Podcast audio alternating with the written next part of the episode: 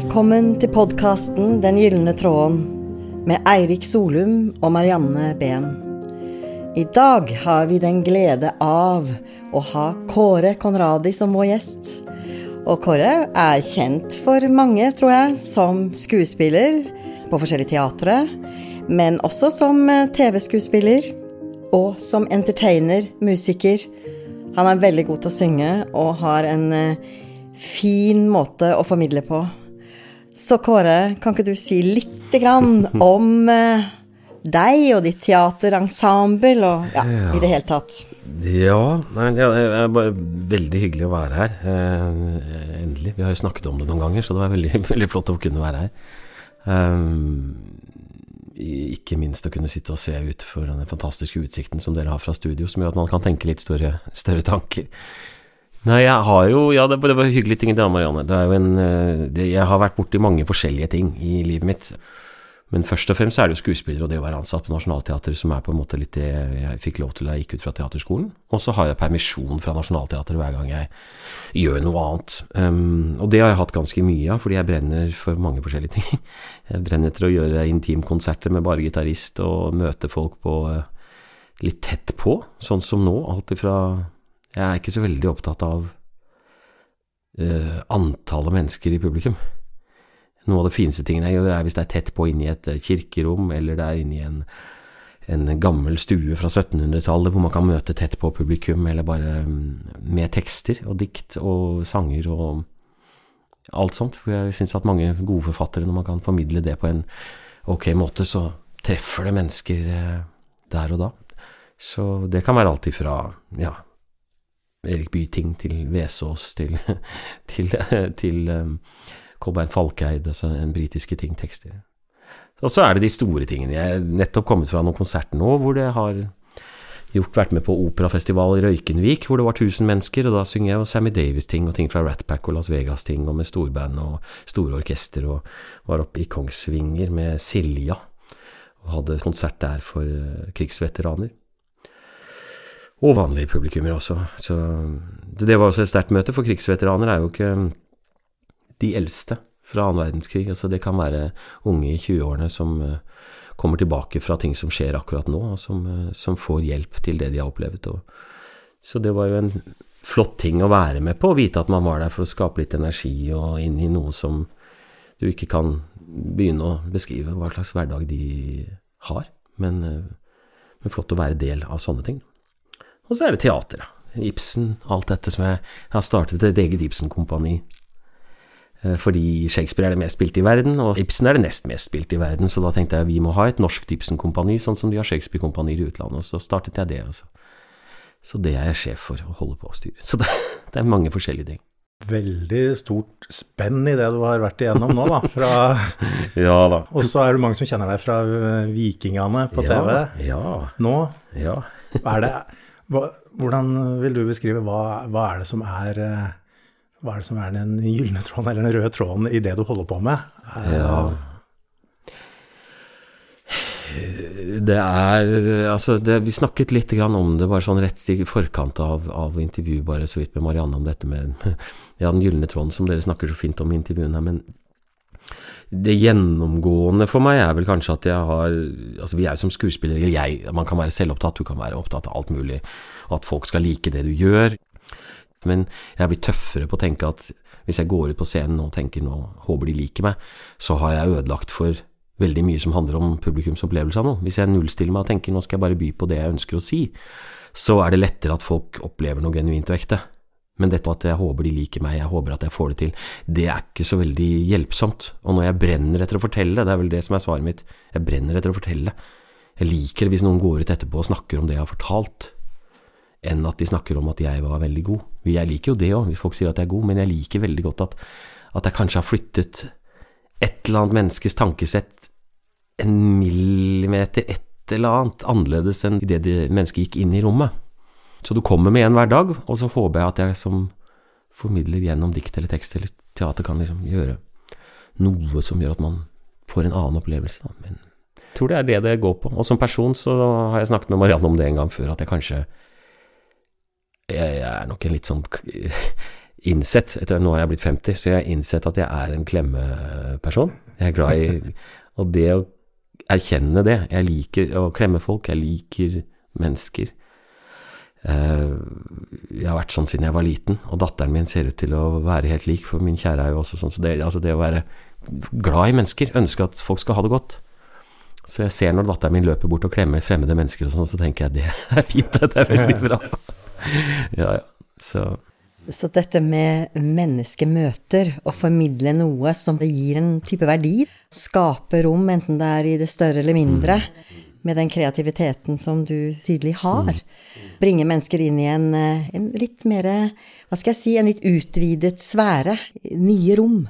Ofte rom som man ikke har tenkt på selv, er jo ofte litt av det Det handler jo om innenfor alt, innenfor kunst, og som driver med galleri her også. Det å, man vet jo ikke hva man kommer til nødvendigvis når man kommer på en utstilling eller på en forestilling, men det å plutselig vite at man har påvirket mennesker på et eller annet vis, da. Og så er det jo en gave å få lov til som skuespiller da, fremføre store forfatteres tekster. Det er jo derfor jeg liker Ibsen, og de gangene jeg har gjort Shakespeare eller lese dikt, det å vite at dette jeg skal gjøre nå, det er godt skrevet. Det, det er en styrke det, å vite at nå er det opp til meg. Hvis ikke folk har en god opplevelse nå, så er det min feil, for dette er godt skrevet. Så det gir en styrke å kunne stå der. Og da da, da, setter jeg meg selv til siden. Det er ikke jeg som er viktig. Det er den teksten her som skal formidles. Eller dette stykket som skal fortelles. Det er jo et rart yrke å være skuespiller. Det er jo et selvopptatt yrke. Du må jo, det finnes jo et gen i deg som syns det er fint å stå foran masse mennesker og, og prate og snakke og Men jeg er jo også mange ganger veldig nervøs. Hvis jeg da snur det om og sier 'men vil du ikke gjøre dette her', har du ikke lyst til å gjøre det, da har det aldri, noe, det har aldri vært noe tvil. Nervøsiteten tror jeg er bra, så lenge det ikke er ødeleggende, så tror jeg det er fint at du har en respekt for det du skal gjøre. Altså teaterskuespilleryrket, det, det er eh, et av de, hvis ikke det yrket jeg nærmest må si jeg har mest uh, respekt for. Altså, jeg husker jeg har sett deg bl.a. i Lille Eyolf ja. for noen ja. år siden. Ja. Og når jeg kommer inn i teatret, det er liksom en slags sånn ære å sitte her. Nå skal jeg bli skuespiller for. Så man sitter jo der virkelig og får en gave, for å bruke det ordet, da, fra skuespillerne på scenen. For det, det å skulle gå inn der kveld etter kveld og som du sier, skulle eh, skape dette andre rommet for publikum. Det er jo å gi voldsomt mye av seg selv, da, selv om det sikkert blir en slags rutine av det ja, også. Ja, det er veldig hyggelig at du sier at det, jo, det var en flott forestilling å gjøre, og som vi egentlig ikke har helt lagt fra oss, selv om vi ikke har spilt det på lenge, med Pia Tjelta og, og, meg. Vi sto alltid før vi skulle inn på scenen og sa at nå er det nytt. Det er nytt publikum. De har hatt billettene på kjøleskapsdøren en stund. Den henger der med en magnet, eller når det er 'nå kommer de', 'nå er det kveld', 'nå må vi nullstille oss og gå ut'. Og så må man ta den dagsformen du er i. Jeg tror det er litt sånn Du kan ikke gå ut og late som du er i en annen Du må bruke den energien du har. Sånn som vi som er her nå, sitter her de tre og ser på hverandre. Det er, det er jo nå vi er her. Så vi kan ikke late som om vi noe har en annen energi, eller skulle gjerne fått til noe annet enn det vi Det er akkurat her og nå, så får det oppstå, det som oppstår. Det er flott som du sier at du får en opplevelse, fordi det selvopptatte er helt unyttig, og det ligger der et eller annet sted bare fordi man har det yrket man har. Men de gangene Ja, se på Lille Eyolf, da. Pia Tjelta og jeg står der, og du hører et lite gisp i publikum fordi du sier noe som treffer så i magen. Og så vet du at det er Ibsen. Det er skrevet på 1800-tallet, men det treffer sånn at folk kan bli litt småkvalme eller få sjokk eller bli overrasket. Det, det, er da det, det, er da det Ja, det er da det er verdt å ha dette yrket, da. Mm magien ved teatret. Det er nytt hver gang, det er mm. ferskvare. Vært til stede i det rommet mm. sammen. Vi hadde en gjest litt tidligere som snakket om eller ja, vi delte dette her, men det er nesten som en katedral ikke sant, noen ja. ganger. Fordi du åpner for det som har en, en større følelse av å oppleve kanskje guddommelige og kanskje litt sånn voldsom ord, men, men noe som ligner på det religiøse, for teatret er jo virkelig rituelt. Mm. Ja, og så er det vel noe med at, som du sa, da, at når man kommer inn og du har den opplevelsen som du hadde da med Eyolf, så treffer det et, et, område i deg, et eller annet sted som det treffer, og da er vi inne på det som du snakker om, det hellige eller det opphøyde eller det katt, fordi at uh, vi som mennesker, når vi blir berørt på en eller annen måte, så er det noe som er litt uforklarlig, eller det, det, det gjør noe med oss. Ja, katedral er et godt Altså, teater for meg er en veldig sånn Eh, ja, kall det et, et hellig rom, eller, altså Teater for meg er noe av det aller beste jeg vet, er hvis vi har hatt en premiere f.eks. på Nationaltheatret. Det har jeg vel ikke snakket om før, men, men vi har hatt en premiere på scenen, og så blir det da ofte en tilstelning oppe i restauranten etterpå. Det aller beste jeg vet, det er når alle står og prater der oppe, tar jeg da det glasset jeg har i hånden, eller hva det er, tusler ned, går ned på scenen, som da ligger i mørket, og setter meg på scenekanten alene der, stirrer ut i den tomme salen og bare hører litt lyd der oppe unna, og sitter og bare tar inn det fantastiske rommet som vi da får spille i. Det er en eller annen takknemlighet for det der, og Nationaltheatret har jo eksistert siden 1899, og det er historie der, alle menneskene som har vært der, og det føler jeg alltid når jeg er på et sted, at det er fantastisk å ha med seg inn. Ha med seg historien fra hvem som har vært der før, hva som har fylt rommet før, en respekt for ting som har gått galt, eller ting som har fungert Altså, alle de elementene av hva som har fylt et rom før, det syns jeg Men får du hjelp av det også? Si. Ja. Hvis du har en dag du rakk ikke det og det, og det ble travelt, og det er mm. nesten så du rekker jobben, mm. så sitter det publikum og venter. Mm. Gjør det lettere, som hjelper deg å ja. å gå inn i det du må ja, gå inn i av sone? Definitivt. En av de aller rareste opplevelsene jeg har hatt, var at jeg skulle spille en hovedrolle i et Ibsen-stykke på Det Kongelige Teater i København. Jeg sto og var nervøs, det hadde vært slitsomt, og det hadde vært en lang prosess med å skulle spille. Det var Kongsemnerne, og jeg spilte Håkon Håkonsson, og det var mot skuespillere fra Dramaten og Det Kongelige Teater, og Maria Bonne, vi spilte Alt var Det var mye sånn flotte ting. Og så satt det da en 900 mennesker eller noe sånt ute i salen, og det var premiere. Og så sto jeg ble alt dette som var da veldig nervøst, og jeg sto der i rustning klar for å gå inn, så ble alt dette litt overveldende mye. Eh, med alt sånn. Og så plutselig så begynte jeg å tenke at Om det var tankene som gikk ut, eller Så tenkte jeg plutselig at nå skal jeg Plutselig var det akkurat som jeg da så for meg selv langt unna. Hvis du går helt langt ut i universet, forbi Mars, forbi et par planeter til, og så snur om og begynner å zoome mot jorda. Så går du da over den planeten, mot Mars, og så over månen, så ser du jorda liksom langt Så du må finne den lille kulen der, og så må du finne vår halvdel av jorda. Du må finne Europa, du må finne Danmark, og så må du finne København, og så må du finne meg, som står da inne på det lille teatret og er nervøs for hva, Nettopp. i det perspektivet. Noen blir skremt av det, for meg ga det en voldsom kraft. Og så er det noe med å tenke på alle som har vært på det teatret før, som har stått med sin nervøsitet, og så heller gå inn på scenen med den bevisstheten i ryggen, som en fin ting. Fordi at vi lever i et rart univers, og vi har dette livet, og hvis man har med seg det inn, så er det en slags sånn ydmyk holdning. Nervøsiteten har liksom ingen funksjon, ordentlig funksjon i det der. Gamle steder også. Jeg er veldig opptatt av det der å lese steder som er historisk. Sitte katedraler Nidarosdomen fikk jeg lov til å øve Hamlet jeg gjorde Hamlet. Så jeg fikk gå på sokkelesten rundt omkring i Nidarosdomen og øve inn Hamlet-rollen. Så det å bli fylt av rom eller steder som har noe betydning, det og jeg tenker det er jo så spennende akkurat dette med denne rammen som teaterstykkene gir, da. Mm. Og så tenker jeg på livets dramaer også, ikke sant. Ja. Så vi har jo dette med den gylne tråden både i det fantastiske yrket som du har, ja. men uh, også da i livet generelt. Har mm. du noen tanker om det? Hva gjør du hvis du møter motstand, eller når du har møtt motstand? Mm. Ja, eller at det har skjedd ting, et vendepunkt i ditt liv, som har gjort noe ja. litt dypere inntrykk enn andre? Det er klart, det å miste mennesker Ari, ja, så Og eh, det å miste faren min, blant annet da jeg var russ, var brått og voldsomt og plutselig, og hjerneblødning, og det tok tre dager i koma og våknet ikke opp igjen. Og det er jo ting som setter preg på en som skal på en måte begynne det voksne livet.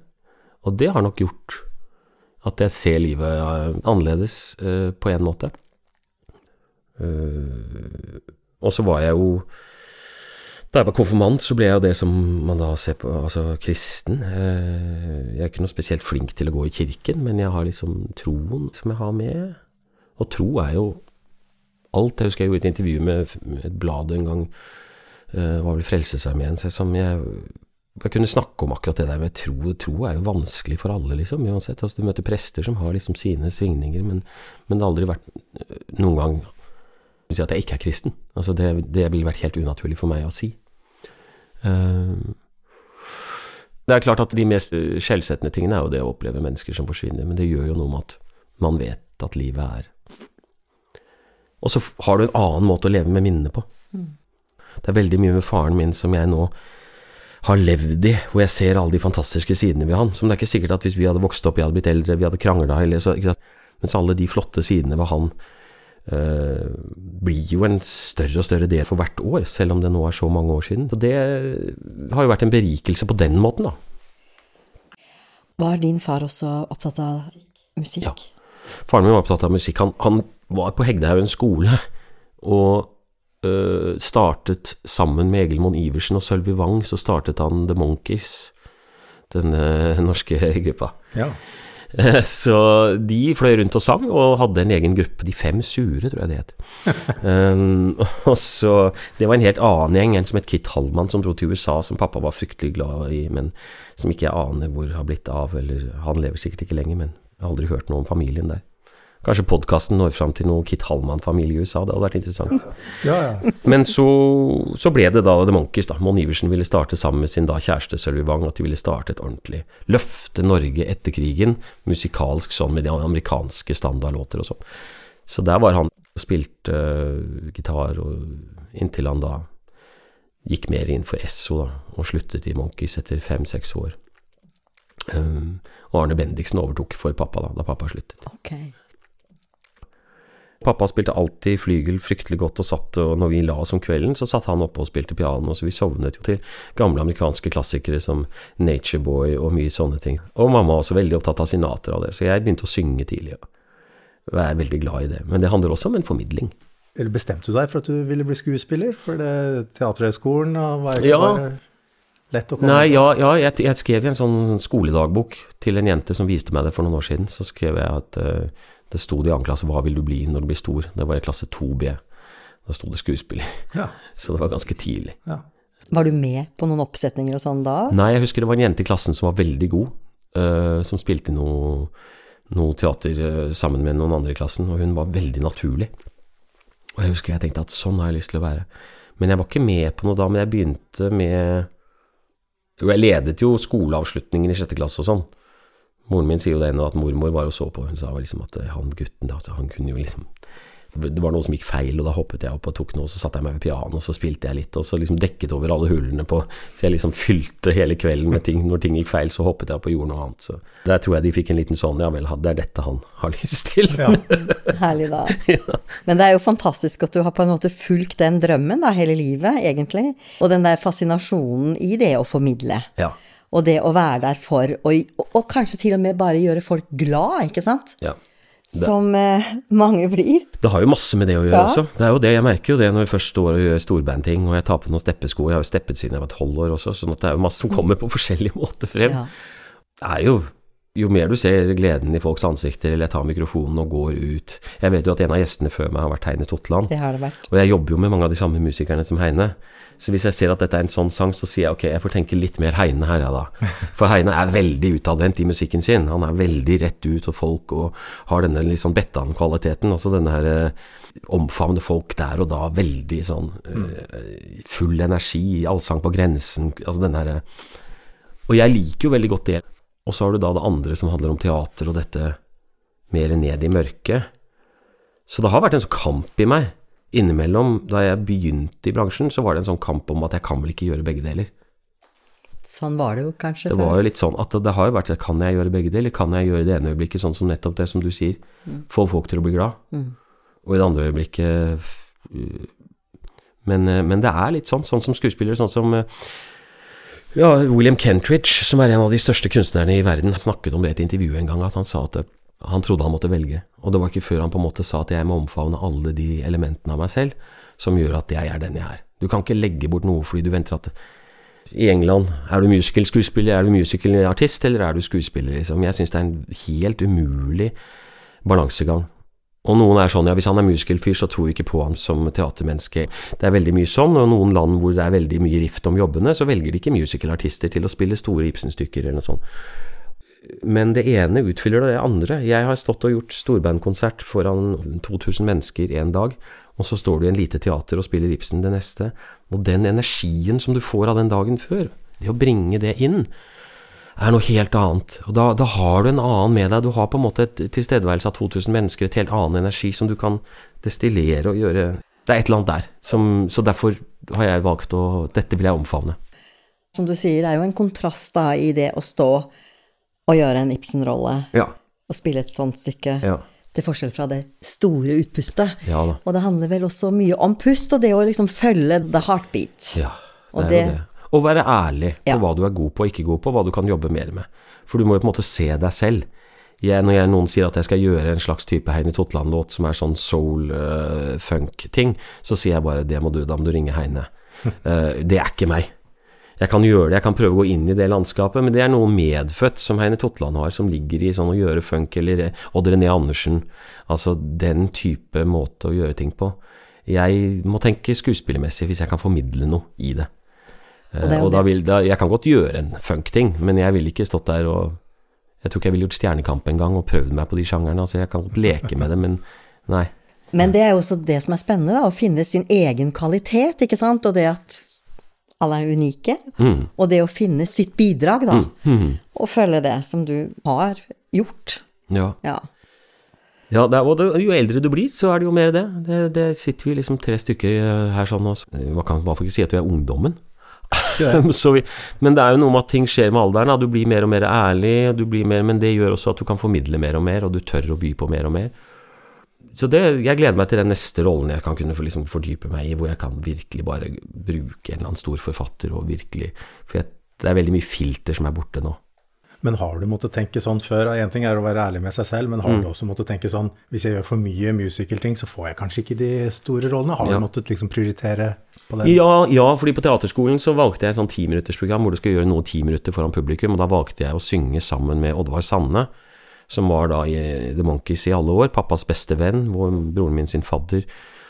Oddvar Sanne og jeg, vi hadde gjort masse på ferie, men vi hadde aldri gjort noe sammen, så for meg var det en slags møte med pappas verden, min verden, gjøre noe for et publikum. For meg så var det, kall det kunst eller tilstedeværelse eller noe. Mens da var daværende rektor og de andre på teaterskolen, men jeg fikk jo huden full. Jeg hadde jo kastet bort de ti minuttene. Altså virkelig full kjeft. Det der kan du gjøre på et helt annet tidspunkt. Det har ingenting med teaterskolen å gjøre. Um, så du fikk noe smekk på fingeren. Det, det skulle, jeg ikke, skulle, jeg ikke, gjøre i det hele tatt. Nei. Hvordan tok du det? Hva gjorde det med deg? Nei, det gjorde jo at jeg var litt enig plutselig. En periode, lang periode. Jeg var litt enig. Selvfølgelig, dette er jo ikke bra nok. Mm. Ikke sant? Eh, jeg husker Morten Faldås. Han hadde jo da ledd fordi han trodde det var en parodi på danskebåten.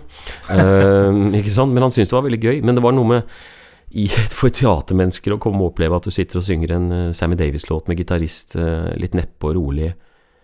Jeg kunne sikkert formidlet teksten bedre, så hadde man kanskje skjønt litt mer. Men det var noen år der hvor jeg tenkte nei, jeg burde kanskje ikke gjøre det. Inntil jeg skjønte at selvfølgelig må jeg det. Det sitter så mange unge skuespillere, sangere rundt omkring som, som, er så preget av at de skal inn i en verden hvor det er så mye konkurranse, og det er så mye ting som skal skje, og de sitter der og klør seg i hodet og vil finne sin vei. Og jeg vet at når de kommer til et annet punkt i livet, til en annen alder, så vil de skjønne at det som er dem, som er magefølelsen deres, det er det de kommer til å ende komme tilbake igjen til. Det er det som gjør at de blir så gode. Men tvilen er der fordi du er så ung. Tvilen er der fordi det er så mange andre som får til noe før deg. Tvilen er der det er mange som er så flinke til å selge seg selv inn. Det er andre som har liksom flinke på sosiale medier og sånn. Men det de kommer til å komme tilbake til, er den magefølelsen av noe de hadde lyst til å gjøre. Så det er liksom de gangene jeg møter noen unge, så vil jeg si at liksom du kan gjerne gå i alle retninger, men den magefølelsen du føler nå på hva du har lyst til å gjøre, det er det som er kjernen, og det er den du kommer til å komme tilbake igjen til når du blir eldre. Men er ikke det veldig vanskelig òg? Kombinasjonen av å bli dyktig, men samtidig bare følge magefølelsen? Og så jo, så må du ha noe i livet. Du må ha noen ting som treffer deg. Men jeg, jeg husker at jeg var Jeg var jo opptatt av at jeg ikke hadde noe røff barndom. Ikke sant? Jeg hadde en fantastisk barndom. Mm. Det var klemming. Det var foreldre som ville at du skulle få lov til å gjøre det du gjorde. Jeg fikk lov til å gjøre ting jeg gjorde. Uh, fikk lov til å dyrke det jeg ville. Altså, jeg hadde ikke noe sånn type ting som jeg kan si var den type røft. Annet enn at jeg ikke ble valgt på sportslag og sånne ting. Og da, da var det sikkert en periode da, hvor alle skuespillerne rundt meg og alle sånn var litt sånn Nå står vi der og drikker rødvin og skriker på bordene og sånn. Og da føler du Ja, men jeg må jo Jeg burde jo kanskje, ikke sant? Ja, ja. Men jeg tenker på tilbake til det du sier til mm. unge mennesker, og som mm. jeg tror er veldig viktig nå i vår tid, nettopp fordi det er så mye eksponering også, på mm. veldig vanskelige måter. Mm. At dette med gløden, hva mm. brenner du for? Ikke sant? Og det er ofte at den flammen heller ikke alltid får brenne så friskt, da, ikke sant, fordi man blir drukna litt i hva man tror man bør gjøre. Til forskjell fra ikke sant, hva man virkelig har som en vitaliserende, glødende del i seg sjøl. Absolutt, for den kan bli ødelagt av så mange, mange forskjellige ting. Ja. Pluss at veldig mange av de aller beste skuespillerne jeg kjenner, de er jo som grå mus privat. Hm. Du ser dem jo ikke. Det finnes en fantastisk eh, scene i Ibsens Kongsemner, Kongsevner hvor det sitter en konge og en skald og snakker sammen. Så har de verdens beste samtale om livet. Og så sier han kongen som sier det er helt merkelig at når du er ute blant hæren og mennene, sier han til skalden, så ser man deg ikke i det hele tatt. Jeg merker deg ikke, jeg ser deg ikke liksom blant folket. Altså, men nå når vi sitter på tomannshånd, så virker du som en som jeg kunne valgt blant mine aller beste venner. Og hva kommer det av? Og så sier han jo, det er jo naturlig Herre sier han, når du går for å bade, så kler du jo ikke av deg der det er masse folk til stede, du finner deg et lite skjulested og kler av deg der. Så sier han ja, det stemmer, ja, og så sier skalden ja, og jeg har sjelens sjenanse, og jeg tør ikke å kle av meg den når det er mange folk til stede, men jeg finner et sted hvor det er noen få, eller bare to. Da kan jeg åpne sjelen. Veldig mange av de fineste kunstnerne, de fineste skuespillerne, unge som gamle, er jo folk som ikke nødvendigvis skriker i det offentlige rom. Og det er veldig fascinerende det du sier. Mm. Men dette med fasade kontra dybde og åpenhet, det er jo to forskjellige ting. Veldig. Og det når du da deler at de som åpner opp når stunden er der, enten det er blant sine eller våger å åpne én til én, Mm, mm. så er jo det annerledes enn å ha disse fasadene. Tenke da tilbake til teater med masker, ikke sant, persona og Men du finner jo i teaterkunsten. Ja, ja, virkelig. Ja, det er jo arketyper og, Mm. og ja. Nei, det er ikke noe tvil om det. Det er jo en grunn til at teater oppsto av noen aller første altså, Teateret har jo, altså Historien til teater, det var sånn jeg kom inn i teaterverden, var jo via Elisabeth Gording, som var barne- og ungdomsteater i 30 år. Jeg begynte vel å sende da jeg var 15. Hun begynte å lære oss om teaterets historie, hvor det kommer fra. Store sjøslag inne i kolosseumer, hvor du fylte kolosseumene med vann og skip, med slaver som sloss mot hverandre på liv og død, og folk satt og så på. Det var ikke bare gladiatorkamper, det var jo eh, skip med vann og kriging eh, som et skue, eh, til personspill, til altså gresk tragedie Altså alle dette Det har vært med oss hele tiden. Og, og hva er det man spiller, ikke sant? Det er jo litt som dette med lidelse, katarsis, og så mulighet til Enten går det jo ad undas, eller så kan du gå den motsatte vei. Ja, ja, ja. Det er jo det som var en oppdragende virkning, da. Det er jo det. Gjennom det, kulturhistorien og da teaterhistorien. Absolutt. Absolutt. Veldig spennende at du tar opp akkurat det, da. det positive er jo i vår tid med sosiale medier at, at du har jo du får tilgang til mye mer, du får sett mye mer av andre folks kunstneriske uttrykk. Jeg blir stort sett inspirert av Jeg var ikke på sosiale medier inntil for tre år siden eller noe sånt. Men det jeg liker ved det, er jo at jeg hele tiden blir, når jeg velger noen ting jeg vil følge, så blir jeg jo hele tiden minnet på ting som, som inspirerer. Det er så sant. For det er også den fine muligheten av de sosiale mediene. Så er det det der med selvpromotering og, og folk som står og sier at jeg, det, jeg kommer aldri til å nå to millioner, så jeg kan bare gi opp. Altså. Men, men sånn kan man ikke tenke. Nei, det er veldig sant. Du har jo et aktivt liv, eh, virkelig. Mm. Hva gjør du når du trenger å hente deg inn eller vitalisere? Får du det i arbeidet, eller trenger du liksom noe annet for å hente deg inn igjen, Ja hvis det går an å si det? jeg, jeg er vel Ja, si det. Jeg har vel lurt meg selv i mange år noen ganger og tenkt at det hadde vært gøy å ha en hobby. Um, men med så mange ting i hodet som går i så mange retninger innenfor samme felt, men så mye forskjellig, så er det jo det yrket som er hobbyen min. Og da jeg gikk på teaterskolen, så var det noen nære som sa at eh, at det er jo en livsstil, det du driver med nå. Så sa jeg det er ikke det i det hele tatt. Nei, nei, nei, jeg nektet for det. Det skulle ikke være en livsstil. Og livsstil er et vanskelig uttrykk, men jeg blir inspirert av å jobbe med det jeg gjør. Og når, når jeg sitter stille i en stol og endelig får meg en god tekopp Jeg elsker å være sammen med venner. Hvis man kan ta et glass vin, sitte foran en peis eller en tekopp ute rundt en bålpanne og være sammen med familie og venner, som er det fineste ved livet. Men når det først er sagt, så er jo ikke sant, Selv om jeg sitter med datteren min, som snart er to, man leker med noe, så forsvinner jo tanken til at den lille leken, den kunne jo blitt en scenografi på et teater, hvis man bygger den stort Altså, det, hodet går jo i retning fordi jeg er så opptatt av faget. Men Nei, jeg føler at jeg klarer å være til stede og mye mer enn før, og blir inspirert av de menneskene som er rundt meg. Det, og det, det er venner. Det er venner, det er mm, peis, og det er eh, te, rett og slett. Og det er så herlig. Er. Når du sier te, så kom jeg på det jeg hadde lyst til å høre deg si noe litt mer om. Ja. Jeg vet jo at du har, akkurat som meg, vært veldig glad i det engelske. Så dette med tekoppen, har det altså en link til det engelske? Eh, ja, det, det har det nok. Det har det nok, altså. Vi har, jeg har vokst opp med engelsk i familien. Tante og onkel som var, onkelen min som var britisk, og engelske fetter og kusiner. Og, og der, og fadderen min, da, som var mammas beste venn, som er snart 90, som um, bor nede i en liten landsby i Cornwall. På grensen mellom Cornwall og Devon. Ja. Og, og hun Så det er noe med det, at jeg vokste opp med det med en tekopp, og vi fikk alltid te når vi sto opp Hun bodde på en gård, fadderen min, så vi var liksom eh, i Exeter, så vi var alltid på besøk der og fikk te, te til formiddag. Jeg skrev skolestiler om te. Men første gang jeg var hos min fadder da i Cornwall alene, og sto opp om morgenen og da var jeg jo Jeg vet ikke hvor gammel jeg var da, kanskje 20, første gang jeg var alene, 26 eller noe sånt. Og da gikk jeg ned dit, og hun hadde ikke stått opp, og jeg gikk ned og laget da god tekopp til henne, og sånn britisk, og sto der og så utover elven mellom Cornwall og Devon, og, sånn. og hun kommer ned og sier I made you some tea, og så, så sier hun da uh, Thank you, I, I don't drink tea. det er jo fantastisk å være engelsk. Så jeg, but every day, every day with you. Hver eneste dag var liksom morning tea and the afternoon and the, the, so, yeah, yes, you had tea. I had coffee.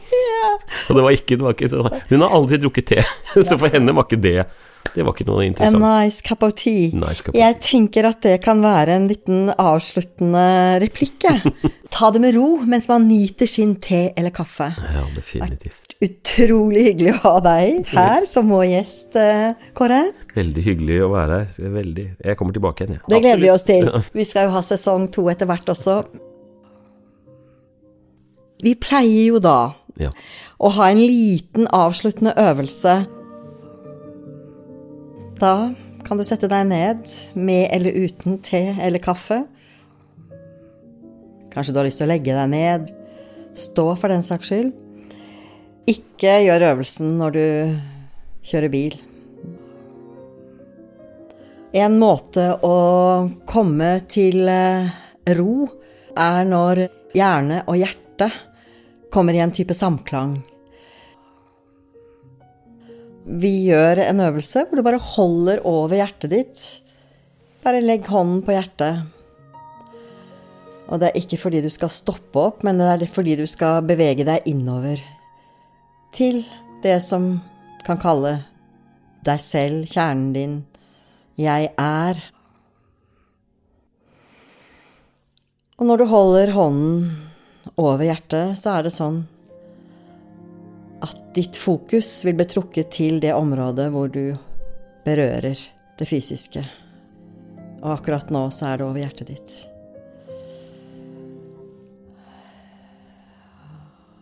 Og det er noe med å lande inn Tankene får en mulighet til å stilne litt og synkronisere med nettopp hjertet, som vi forbinder med den vi er. Kan våge å åpne opp for den andre eller de andre. Noen ganger så krever det et mot.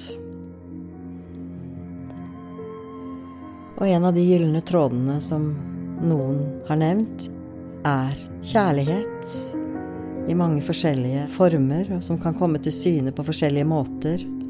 Om det er til naturen, til barna dine, til arbeidet ditt, familien din, kjærester, til venner.